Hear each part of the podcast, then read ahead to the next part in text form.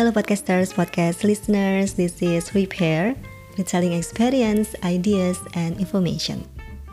Di episode kali ini saya mau bahas bukunya Matthew Walker yang judulnya Why We Sleep.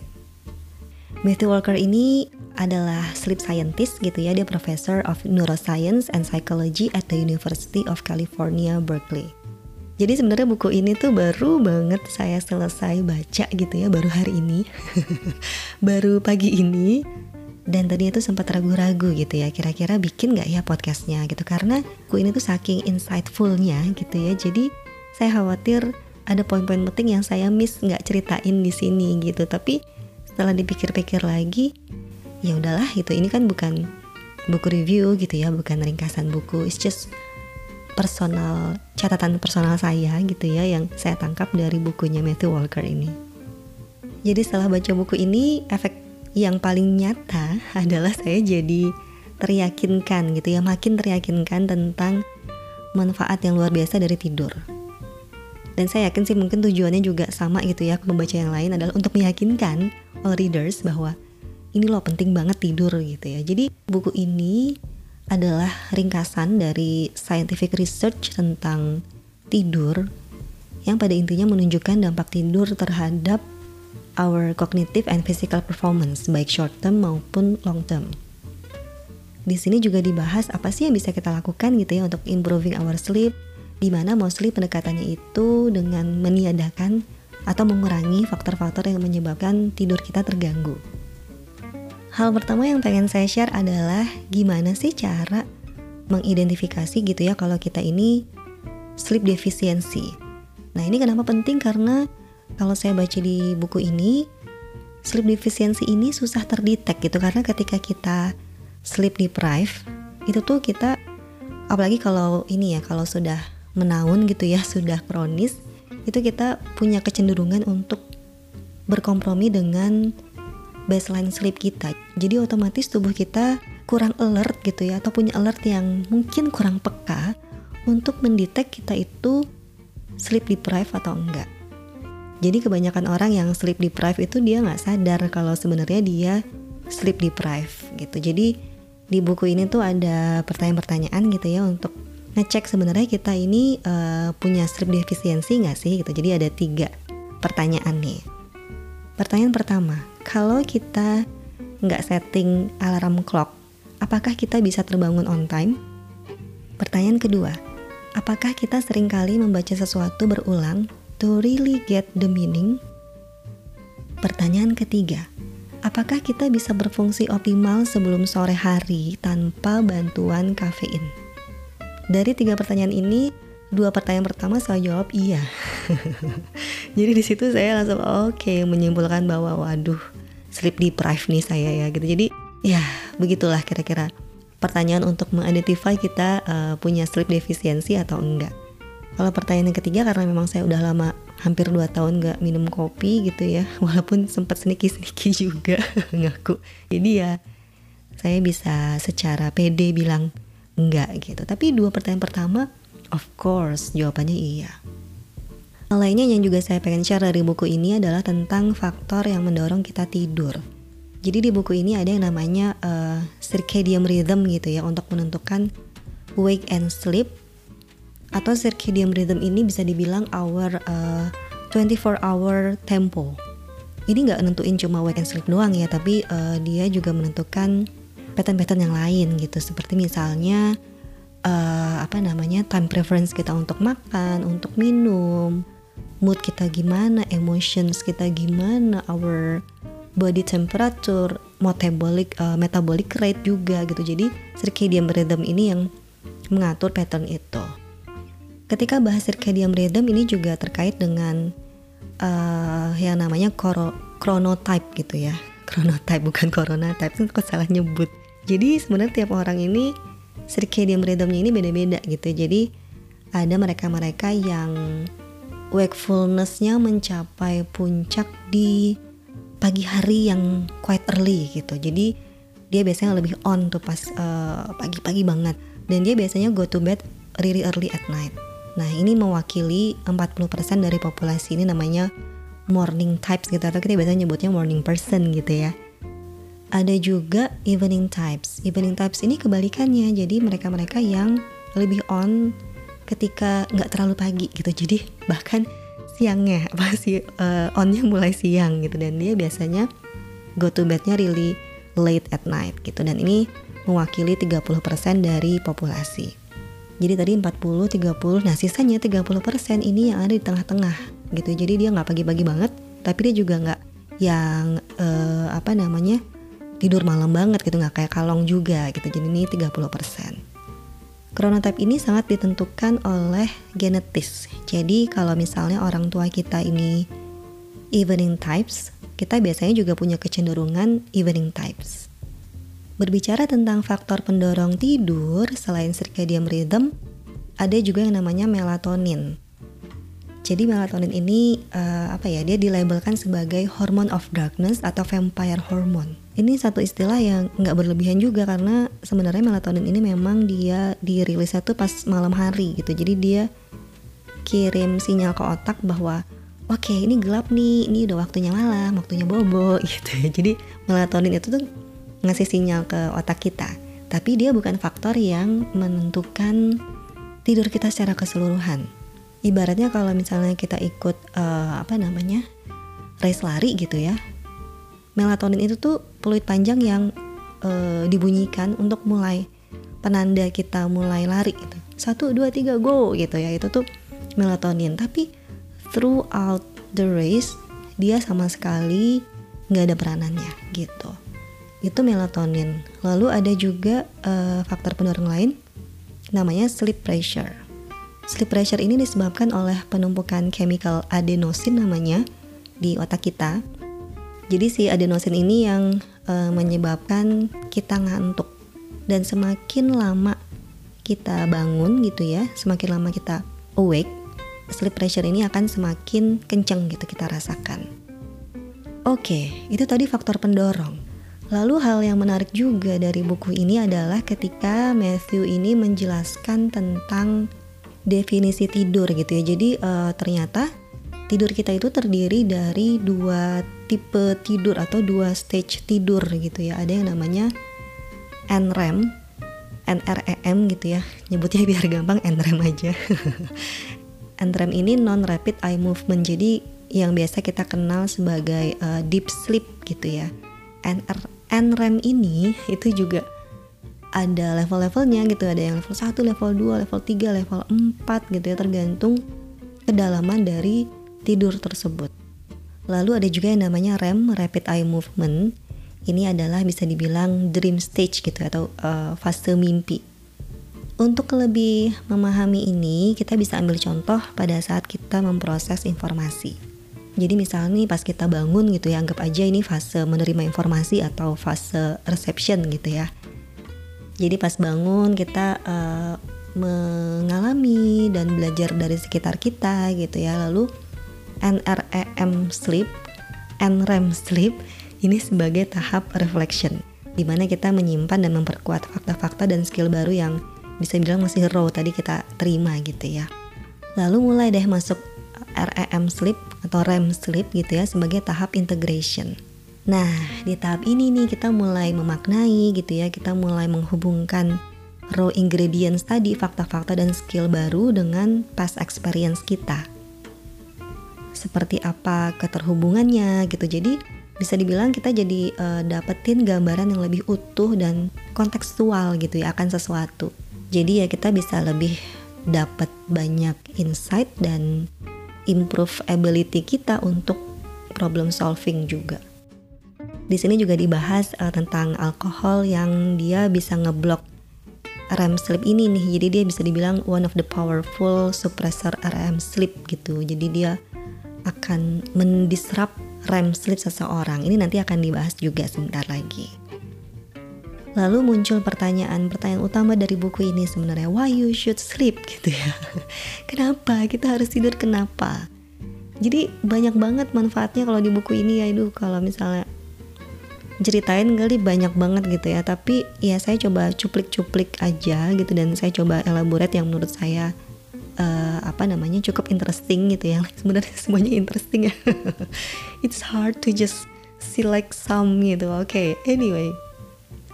Yang pertama adalah bagaimana sleep ini berperan sebagai memory aid gitu ya. Jadi um, sebelum kita mempelajari sesuatu untuk menyiapkan otak kita untuk bisa nyerap informasi yang baru nih ya, making new memories gitu. Jadi kita butuh tidur. Tapi nggak cuma sebelum belajar doang. Sesudah belajar juga sebenarnya kita butuh tidur gitu karena kalau tadi yang uh, apa namanya sleeping before learning itu untuk nyiapin otak kita, kalau sleeping after learning itu untuk apa ya bisa dibilang untuk mematri untuk nyantolin lebih dalam ingatan-ingatan tersebut dan menghindari lupa. Gitu. Jadi sebenarnya kalau di situ dijelasin sleep as memory aid kurang lebih penjelasannya seperti itu. Atau dengan kata lain kalau misalnya kita nggak tidur malam hari nih padahal pagi siang sore itu kita habis uh, belajar gitu ya kita akan berpotensi untuk kehilangan opportunity untuk consolidate those memories gitu jadi sesignifikan itu peran tidur pada saat kita belajar dan ini sebenarnya tidak hanya terkait dengan text based information atau knowledge gitu ya, tapi juga terkait dengan skill motorik. Jadi ada satu cerita menarik di buku ini ketika Matthew waktu itu Cia kenal ya. Jadi Matthew waktu itu lagi presentasi gitu ya, terus abis dia presentasi ada uh, seorang laki-laki nyamperin dia. Ternyata dia ini uh, seorang laki-laki ini pianis gitu ya. Dia bilang, saya ini latihan semalaman gitu ya untuk persiapan perform, tapi perasaan salah mulu gitu ya. Jadi saya akhirnya frustrasi nih terus saya tinggal tidur surprisingly besok paginya pas saya coba mainin lagi I could play all songs perfectly. Kata pianis itu gitu. Itu kenapa ya? Apakah memang uh, karena faktor tidur di malam hari atau maksudnya cerita pianis ini tuh jadi men-trigger menginspirasi Matthew untuk bikin riset lain gitu. Jadi jadi akhirnya dia bikin riset nih untuk mengkonfirmasi cerita si pianis ini. Jadi di riset ini ceritanya ada a group of people gitu yang dibagi menjadi dua grup gitu. Jadi um, group of people ini adalah mereka-mereka yang nggak kidal gitu ya, right handed dan diminta untuk ngetik dengan tangan kiri angka-angka dengan sequence yang acak gitu. Misalnya 3 4 2 1 7 8 gitu ya. 3 4 2 1 7 9 gitu misalnya. Nah, grup pertama itu dites di pagi hari, dia suruh praktis dulu nih ya dengan ngetik pakai tangan kiri dengan angka-angka tadi yang sekuensnya acak. Setelah latihan, habis itu malamnya dia selisih sekitar 12 jam, malamnya balik lagi, disuruh ngetik hal yang sama lagi. Grup yang satu lagi, ini adalah uh, grup yang dia latihannya malam nih, lalu 12 jam kemudian pagi harinya setelah mereka tidur 8 jam oh ya kalau grup yang pertama itu mereka nggak tidur sama sekali ya. Jadi latihan pertama pagi terus uh, malam disuruh nyobain lagi tanpa jeda tidur. Grup yang kedua ini dia di tesnya malam. Tes pertama praktis pertama malam. Lalu kemudian besok paginya setelah 12 jam dan dia udah sempet tidur 8 jam full grup kedua ini diminta lagi untuk ngetik hal yang sama yang udah dia pelajari kemarin. Hasilnya, ternyata grup kedua yang udah tidur 8 jam ini menunjukkan improvement 20% dalam hal speed dan improvement 35% dalam hal akurasi. Gitu. Jadi ini kayak apa ya? Kayak confirming yang cerita pianis tadi gitu yang tadi dia uh, tujuan dia bikin riset ini untuk mengkonfirm cerita pianis tadi itu terbukti gitu ya. Lalu menjawab pertanyaan juga kenapa kita harus tidur sih ini juga terkait dengan um, apa namanya keterhubungan tidur dengan kondisi-kondisi neurologis dan psikiatrik misalnya penyakit Alzheimer, anxiety, depresi, bipolar disorder, uh, stroke, chronic pain. Nah, ini ada ada hubungannya dengan lack of sleep. Lalu lack of sleep ini karena Matthew memang penelitiannya di awal katanya dia sempat meneliti tentang Alzheimer gitu ya. Jadi lack of sleep ini juga menjadi faktor yang menentukan gitu ya ketika seseorang lack of sleep ini akan mempredik at the later stage terkena Alzheimer atau enggak gitu. Lalu tidur ini juga erat kaitannya dengan penyakit-penyakit yang lain gitu kayak cancer, uh, diabetes, jantung, inter, uh, infertility juga, obesitas, kurangnya imunitas. Jadi sebenarnya kayak kalau ngomongin penyakit the list could go on and on tapi yang memang disebutkan di buku yang tadi sudah saya sampaikan. Nah, ada satu hal yang pengen saya jelasin sedikit yang menurut saya menarik terkait dengan obesity. Jadi ternyata short sleep itu bisa meningkatkan uh, rasa lapar dan appetite gitu ya. Jadi otomatis dia akan uh, cenderung pengen banyak makan gitu dan lebih memilih high calorie food. While at the same time, short sleep ini juga decrease feelings of uh, food satisfaction after eating. Gitu jadi emang bawahnya pengen makan terus. That's why kalau misalnya kita ngatur jumlah kalori yang masuk nih kita exercise tapi ternyata kita lack of sleep ya akan struggle juga untuk uh, nurunin berat badan. Menjawab pertanyaan why you should sleep ini juga terkait dengan drowsy driving gitu ya. Jadi kalau di US sana ada penelitian bahwa setiap jam itu ada satu orang yang meninggal in traffic accident due to fatigue related error. Jadi ini sebenarnya lebih fatal daripada uh, apa namanya pengemudi yang mabuk gitu ya karena drowsy driving ini menyebabkan yang namanya micro sleep. Kalau misalnya orang nyetir uh, mabuk itu kan dia biasanya responnya lebih ke uh, respon yang terdelay gitu ya. Tapi kalau misalnya micro sleep ini nggak ada respon sama sekali gitu ya. Jadi memang efeknya lebih mematikan dibandingkan yang memang karena mabuk walaupun dua-duanya tetap aja harmful gitu ya. Anyway, uh, ini yang juga cukup banyak dibahas di buku tentang drowsy driving. Lanjutnya saya mau cerita juga tentang REM sleep. Di sini juga dibahas tentang uh, REM sleep benefitnya khusus untuk REM sleep gitu ya. Uh, fase ketika kita bermimpi ini sebagai overnight therapy. Jadi ini menarik gitu karena fase ini dibilang uh, the only tahapan di mana kita benar-benar free from anxiety triggering molecule. Jadi ada yang namanya uh, stress related chemical noradrenalin namanya. Kok keren ya? Mirip-mirip adrenalin gitu. Jadi dia sebenarnya ini kalau ini stress related chemical namanya noradrenalin. Nah, ini benar-benar ditekan gitu ketika kita masuk ke REM sleep dia tuh benar-benar ditekan keberadaannya. REM sleep ini juga memungkinkan seseorang untuk me, apa ya ibaratnya me, mengurangi atau mengeluarkan emotional pain terkait dengan certain life event. Jadi bukan berarti kita totally uh, forgetting about that life events gitu ya, tapi kita tetap bisa recall life event itu tanpa harus emotionally engage tanpa harus baper. Sama seperti kita pas ngalamin kejadian itu. Itu tuh kayak wah saya ketika baca buku ini bagian REM sleep tuh kayak wow gitu. Jadi bener-bener REM sleep ini punya ability ya gitu untuk untuk uh, ya tadi kalau si Matthew bilang overnight therapy gitu ya untuk ngilangin uh, emotional pain gitu tanpa harus ngilangin the whole the whole memory. Dan ini bukan statement doang gitu ya karena ini based on riset. Jadi dilakukan terhadap healthy young adults gitu ya di mana uh, terhadap grup eksperimen ini researcher menunjukkan beberapa kumpulan set images gitu ya. Dan ini dibagi jadi dua grup nah uh, dua grup ini selama eksperimen itu dilakukan peneliti merecord brainwave activity menggunakan MRI scan gitu untuk si uh, young adults ini yang menjadi objek eksperimen. Dibagi jadi dua grup-grup pertama ini yang diperlihatkan gambar di pagi hari, lalu di malam harinya dilihatkan lagi gambar yang sama tanpa ada jeda dia tidur. Grup kedua ini dia lihat gambarnya pas malam hari.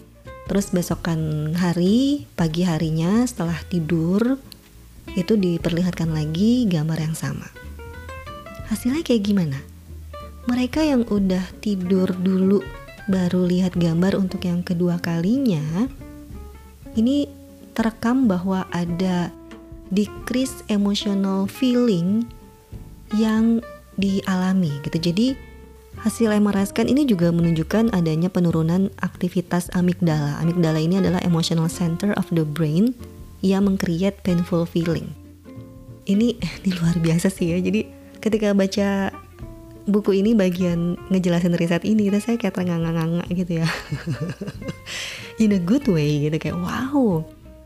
Ya luar biasa gitu. It's very how incredibly our brain is created sampai detail banget gitu ya ada certain part yang memang fungsinya untuk itu tadi create painful feeling. Anyway, itu tadi tentang REM sleep sebagai overnight therapy. Selanjutnya adalah bagaimana REM sleep ini berperan untuk improve creativity. Kita mungkin udah pernah denger ya kayak Paul McCartney gitu ya yang terinspirasi lewat mimpinya lalu menciptakan Yesterday, Let It Be dan banyak juga musisi-musisi lain yang seperti itu. REM sleep ini terkait juga dengan kemampuan untuk problem solving. Ini mungkin mirip juga sama yang pertama kali tadi udah sempat saya jelasin uh, NREM untuk apa REM sleep itu untuk kayak making meanings gitu ya. Kalau NREM itu lebih ke kayak storing the information tapi kalau NREM itu making meanings melihat konteks mencari keterhubungan. Nah ini juga yang memungkinkan akhirnya seseorang ini bisa create problem solving yang bagus gitu ketika dia punya REM sleep ketika dia mendapatkan rem script yang optimal gitu. Hal lainnya yang juga pengen saya share dari buku ini adalah apa sih yang menyebabkan kita kesulitan untuk tidur? Ini sebenarnya banyak faktor ya, termasuk misalnya juga terkait dengan uh, commute times kita gitu ya, kayak misalnya saya tinggal di Bogor terus saya harus kerja di Jakarta gitu I have to commute like maybe it takes me two hours to go to the office gitu. Itu juga jadi salah satu faktor yang menyebabkan kita berpotensi terkena sleep deficiency. Yang lainnya juga mungkin terkait dengan digital distraction gitu ya. Kita punya kecenderungan untuk nonton TV atau uh, apa namanya asik dengan gadget sampai malam hari. Nah itu juga jadi faktor yang menyebabkan kita sulit tidur optimal tapi ada hal lain juga yang disinggung di sini yaitu tentang uh, electric light as well as LED light atau blue light gitu ya. Ini adalah sinar yang dipancarkan oleh gadget-gadget kita gitu ya. TV, laptop, mungkin tab atau handphone gitu ya. Jadi dan ini akan uh, memblok yang namanya melatonin gitu. Jadi mengirimkan uh, sinyal bahwa oh ini belum malam nih karena melatoninnya terganggu karena melatonin tadi kalau di awal ini hormone of darkness gitu ya. Hormone of vampire yang kirim sinyal ke otak kalau hey this is night time time to bed gitu. Tapi karena LED light karena blue light itu ini jadi terganggu. Kemudian terkait juga dengan temperatur ruangan itu juga katanya sih harus disetting uh, lumayan dingin gitu ya. Yang bisa mendorong kita untuk bisa tidur lebih cepat. Faktor lainnya adalah kafein Nah, ini ini satu fakta yang cukup mengejutkan ya disampaikan di buku ini. Mungkin buat uh, coffee lovers ini agak terganggu gitu ya mendengar fakta ini, but anyway, this is based on research gitu ya. Jadi kafein ini sangat uh, mengganggu tidur kita. Karena sifatnya dia itu sebenarnya stimulan gitu ya. Jadi pertama dia membuat kita terjaga. Tapi pas kita juga udah berhasil tidur, dia juga akan membuat kita kesusahan untuk stay sleeping. Atau ya kita bisa dibilang sering terjaga. Kalau di bukunya Metu ini dia sebutnya sleep fragmentation. Jadi kalau misalnya ada beberapa yang ngerasa kayak enggak kok gue minum kopi sore misalnya gitu ya. Malamnya bisa tidur nyak-nyak aja nah ini sebenarnya sleep fragmentation ini sering kali nggak terdetek karena dia sangat brief terjadi. Tapi itu disrupting our sleep gitu. Nah, kenapa kafein itu bisa ganggu tidur? Tadi yang faktor pertama tadi ya, karena dia sifatnya stimulan, dia bisa mendorong sleep fragmentation, dan yang kedua ini soal duration. Jadi durasi efek dari kafein ini ternyata lebih lama dari yang kita bayangkan. Jadi kalau misalnya kafein ini punya half life of 6 hours, dia juga sebenarnya punya quarter life of 12 hours. Jadi sebenarnya kalau misalnya kita yang pernah kita baca itu oh dia punya efek setengahnya itu 6 jam sebenarnya lebih dari itu karena ada seperempat efek lainnya yang belum hilang betul dari badan kita itu butuh 12 jam untuk completely selesai, completely hilang efeknya. Jadi kalau misalnya kita uh, minum kopi nih di sore hari, ini bisa stay in our brain sampai malam. Jadi kalau Matthew ini bilang sih bukan berarti nggak boleh sama sekali ya, but use coffee strategically gitu katanya dia. Jadi limit after 10 o'clock in the morning. Jadi kalau misalnya kita aim untuk tidur jam 10 malam ya berarti jam 10 pagi udah kopi terakhir kita tuh gitu. Lalu selain duration yang juga efek dari kafein itu adalah dia ngeblocking yang namanya deep sleep. Jadi penelitian ini membuktikan bahwa orang yang mengkonsumsi kafein ini memiliki deep sleep yang berkurang 20% dari orang yang tidak mengkonsumsi kafein. Kafein ini bukan sekedar kopi ya, bahkan teh juga punya mengandung kafein juga ya, tapi well, this is Ya, ini satu fakta yang amat sangat tidak menyenangkan tentunya, tapi buat saya sih it's fair enough gitu ya kalau misalnya memang ya gunakan secara strategis di pagi hari untuk membuat kita awake dan full concentration. Habis itu ya ya udah gitu. Lalu apa yang juga menyebabkan kita terganggu tidurnya ini juga terkait dengan alkohol. Sama dengan kopi, alkohol ini juga menyebabkan sleep fragmentation. Jadi kalau uh, orang-orang punya kepercayaan gitu ya bahwa minum wine atau alkohol before bed itu bisa mempermudah seseorang untuk falling asleep. Tapi sebenarnya in fact itu nggak kayak gitu. Oke dia tertidur, tapi sebenarnya selama tidur itu juga terjadi namanya sleep fragmentation. Jadi sebenarnya dia kayak kebangun kebangun kebangun beberapa kali gitu dan dia nggak sadar karena it happen very quickly and briefly gitu. Jadi ya nggak heran kalau misalnya mungkin pagi harinya mereka ngerasa nggak fresh gitu ya padahal tidur kok tapi kenapa nggak fresh ya nah bisa jadi mungkin karena sleep fragmentation yang terjadi selama dia tidur itu yang dia juga nggak sadar bahwa dia kebangun-bangun gitu lalu yang terkait juga dengan alkohol bahwa alkohol ini juga one of the most powerful suppressor of REM sleep jadi dia memproduksi chemical yang namanya aldehydes dan ketones yang ngeblok brain ability buat generate REM sleep. Seperti yang kita tahu, REM sleep ini perannya tadi sangat banyak ya, termasuk creativity, problem solving skill juga gitu. Jadi ya kalau misalnya ini ngeblok, ya tentunya fungsi-fungsi yang tadi juga akan terganggu. Hal lainnya yang menarik dari buku ini adalah chapter yang membahas tentang sleep and society. Salah satunya di health sector juga yang dijelaskan bagaimana dokter-dokter, ini tenaga-tenaga medis gitu ya.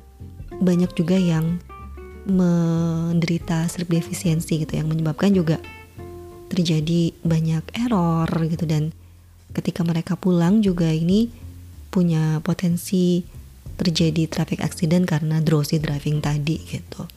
Jadi banyak juga yang dijelasin bagaimana efek dari sleep deprivation di healthcare khususnya buat uh, para tenaga medis. Jadi kalau kata Matthew gitu ya, ketika kita ke dokter gitu ya, kita misalnya mau uh, operasi, you should ask your doctor how much sleep they have had before undergoing any serious surgery. Karena memang ternyata banyak juga yang sleep deprived.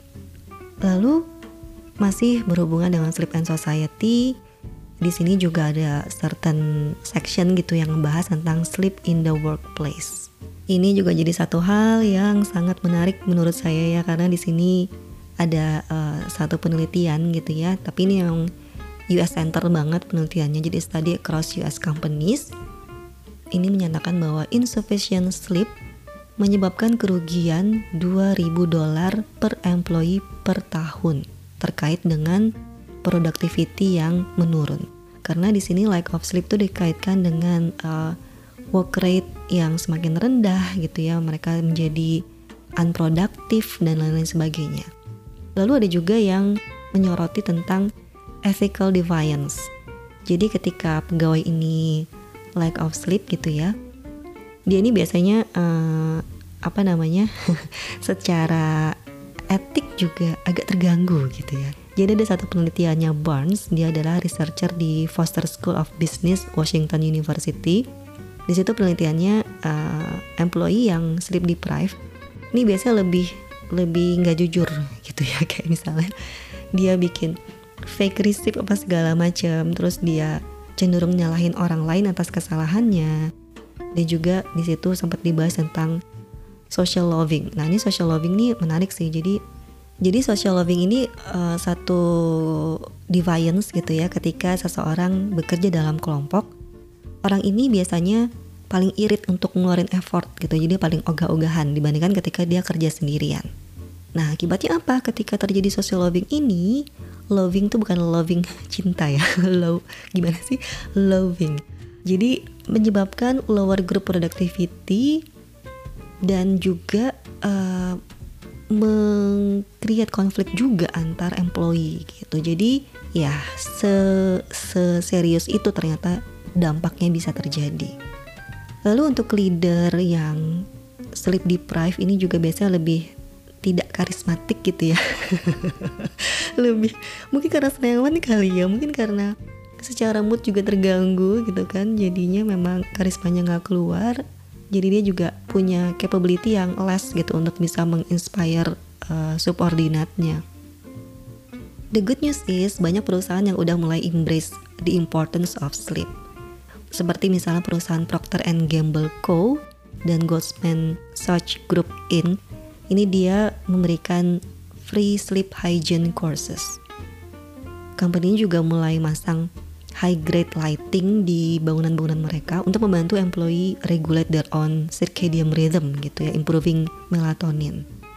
Lalu Nike and Google ini juga uh, punya approach flexible working schedule. Ini jadi bisa mengakomodir chronotype seseorang gitu ya. jadi kayak misalnya yang tadi morning types yang evening types ini karena flexible working schedule itu jadi bisa terakomodir terus mereka juga menyediakan uh, nap pod gitu ya. Jadi kayak uh, kubikel. Mungkin bukan kubikel ya tempat-tempat pojokan-pojokan buat tidur siang. Itu tadi di lingkungan pekerjaan. Yang juga dikritisi di bukunya Matthew ini yang menurut saya kayak wah gokil sih. Ini bener-bener kayaknya butuh dibenahi sesegera mungkin gitu ya. Terkait dengan early school start time. As we know sekolah-sekolah itu kan mulainya pagi banget ya. Ada bahkan mungkin yang jam 7 saya nggak tahu. Ada yang iya jam 7 ya kalau sekolah sekolah dasar gitu.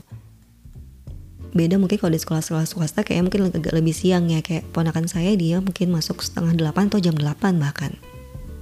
Nah ini Penelitian juga melihat bahwa early school start time ini menyebabkan teenager dan anak-anak ini bisa rentan terhadap mental illness, depression, anxiety, schizophrenia, suicide juga gitu. Jadi banyak mental uh, disorder gitu yang mungkin terjadi ketika anak-anak ini kekurangan tidur. Ada satu sekolah di Edina, Minnesota gitu ya, dia mulai me-switch nih jam masuk sekolahnya gitu ya. Ini tentunya sebelum pandemi ya, karena buku ini ditulis, eh bukan ditulis, dipublish tahun 2017. Jadi satu sekolah di Edina, Minnesota ini, dia ngubah jam masuknya dari yang awalnya masuk jam 7.25 pagi, setengah 8 kurang 5, which is lumayan siang ya kalau ukuran di Indonesia, itu digeser jadi mulai masuknya jam setengah 9. Hasilnya para siswa ini jadi bisa ngedapetin 45 43 menit tidur lebih banyak dibandingkan sebelum bertransisi se dibandingkan sebelumnya ketika masuk jam setengah 8 as a result hasilnya ternyata students ini mengalami peningkatan performa akademis yang signifikan gitu gara-gara tadi pergeseran jam masuk. Ya jadi no wonder ya kalau misalnya anak-anak sekolah gitu ya harus bangun sangat pagi terus pagi hari moodnya nggak bagus susah juga buat nyerap materi. Wajar banget gitu. Jadi tapi saya ngebayangin ya saya berusaha flashback ketika saya dulu masih sekolah uh, eh, SD gitu ya. Saya terbiasa commute yang cukup panjang itu nggak cuma kerja waktu waktu sekolah pun juga. Jadi waktu itu SD saya pernah saya tinggal di Cipulir lalu sekolah saya SD di Brawijaya. Jauh banget. Jadi ya kebayang kalau misalnya apa namanya uh, waktu jam masuk sekolah itu pagi banget itu benar-benar menyiksa jam tidur anak-anak banget sih ya. Dan kebayang kalau misalnya mereka-mereka yang tidak punya kendaraan pribadi nggak diantar ke sekolah oleh orang tuanya harus naik umum itu kan tentunya juga butuh waktu yang lebih panjang gitu ya untuk sampai di sekolah it's very sad gitu. Ketika baca buku ini saya juga jadi mikir sih waduh bener-bener nih buku kayaknya perlu dibaca oleh banyak sekali orang gitu ya. Teachers parents policy makers juga sebagai pembuat kebijakan gitu. Jadi karena ini tuh seserius itu gitu ya dampaknya kalau misalnya sleep deprivation ini terus dipelihara dan di-encourage oleh sistem yang ada sekarang. Untuk menutup di buku ini dijelaskan uh, ada general good sleep practices. Dia sebutnya ini uh, hygiene sleep hygiene practice gitu ya. Ada 12 key tips yang ini sebenarnya bisa diakses uh, juga di The National Institute of Health website tapi saya coba bacain aja karena ini cukup singkat gitu ya. Uh, tapi nanti saya kasih juga linknya di description di podcast ini. Jadi 12 tips untuk mencapai good sleep hygiene. Yang pertama adalah stick to a sleep schedule. Nah ini juga yang berusaha saya terapkan banget nih ya. Jadi uh, walaupun weekend tetap bangun pagi, walaupun weekend tetap nggak uh, lembur, nggak lembur ya lah ya. Maksudnya nggak begadang gitu ya nggak nonton sampai malam juga karena ketika kita punya uh, sleep schedule yang rapi gitu yang konsisten ini akan memudahkan kita untuk bisa tidur lebih teratur gitu dan otomatis juga circadian rhythmnya juga udah lebih fix gitu. Lalu tips yang kedua adalah exercise. Waduh, ini exercise katanya penting banget tapi tidak exercise yang menjelang tidur. Exercise paling nggak 30 menit dalam setiap hari, tapi dilakukannya tidak terlalu malam, di jeda 2-3 jam sebelum waktu tidur kita. Jadi kalau misalnya kita aim untuk tidur jam 10 ya berarti jam 7 malam itu udah selesai exercise-nya. Lalu tips yang ketiga adalah avoid caffeine and nicotine. Ini tadi udah banyak dijelasin juga tentang kafein ya dan nikotin juga ternyata dia sama-sama uh, destruktifnya sama kafein, sama-sama harmfulnya terhadap uh, sleep quality kita. Lalu yang keempat, avoid alcoholic drinks before bed. Ini juga udah dijelasin tadi. Yang kelima, avoid large meals and beverage late at night. Oke. Okay. Berarti nggak boleh makan terlalu malam gitu ya. Yang keenam, if possible, avoid medicine that delay or disrupt your sleep. Yang ketujuh, don't take naps after 3 p.m. Oke, okay, iya ya namanya tidur siang ya sudah sepantasnya siang hari kalau jam 3 itu udah tidur sore dan emang nggak boleh karena jadinya kita kesusahan buat tidur malam yang kedelapan relax before bed. Jadi di sini dianjurkan kita melakukan relaxing activities gitu ya. Misalnya baca buku atau dengerin musik yang enak-enak. Atau mungkin having a good conversation with partner atau family gitu. Jadi hal-hal yang lebih relaxing. Lalu yang kesembilan tipsnya adalah take a hot bath before bed. Oke. Ini terkait juga dengan menurunkan suhu tubuh gitu ya karena kalau misalnya kita udah selesai mandi, suhu tubuh kita turun. Nah, ini bisa memudahkan kita untuk tidur lebih cepat. Tips yang ke-10, dark bedroom, cool bedroom, gadget free bedroom. Oke, dark bisa ya. Cool oke bisa gadget free itu yang yang lumayan susah gitu ya oke tapi layak dicoba kayaknya ya yang ke sebelas have the right sunlight exposure. Jadi ini katanya daylight gitu ya ini juga uh, menjadi faktor yang penting untuk regulating sleep pattern kita.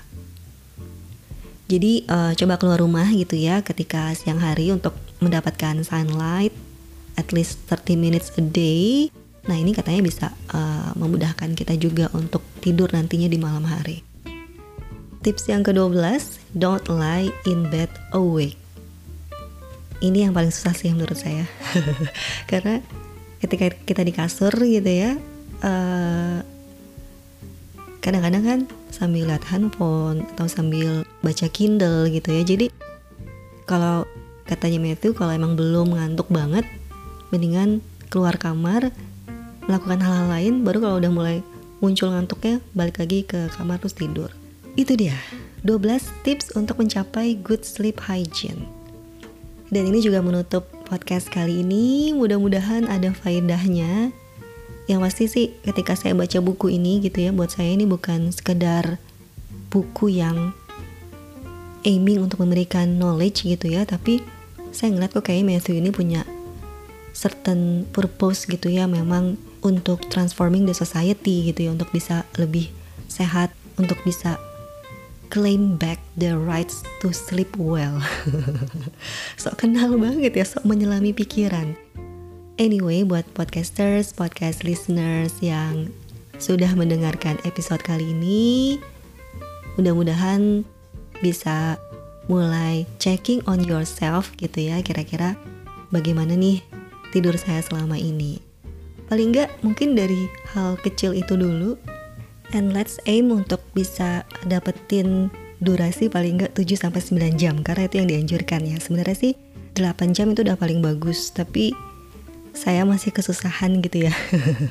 Jadi biasanya di 7 jam sampai 7 setengah jam. But I will try untuk bisa mencapai paling enggak 8 jam.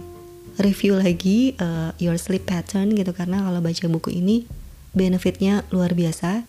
Buat saya ini semacam life investment gitu ya. Memang benar-benar short term iya dampaknya berasa. Buat long term apalagi.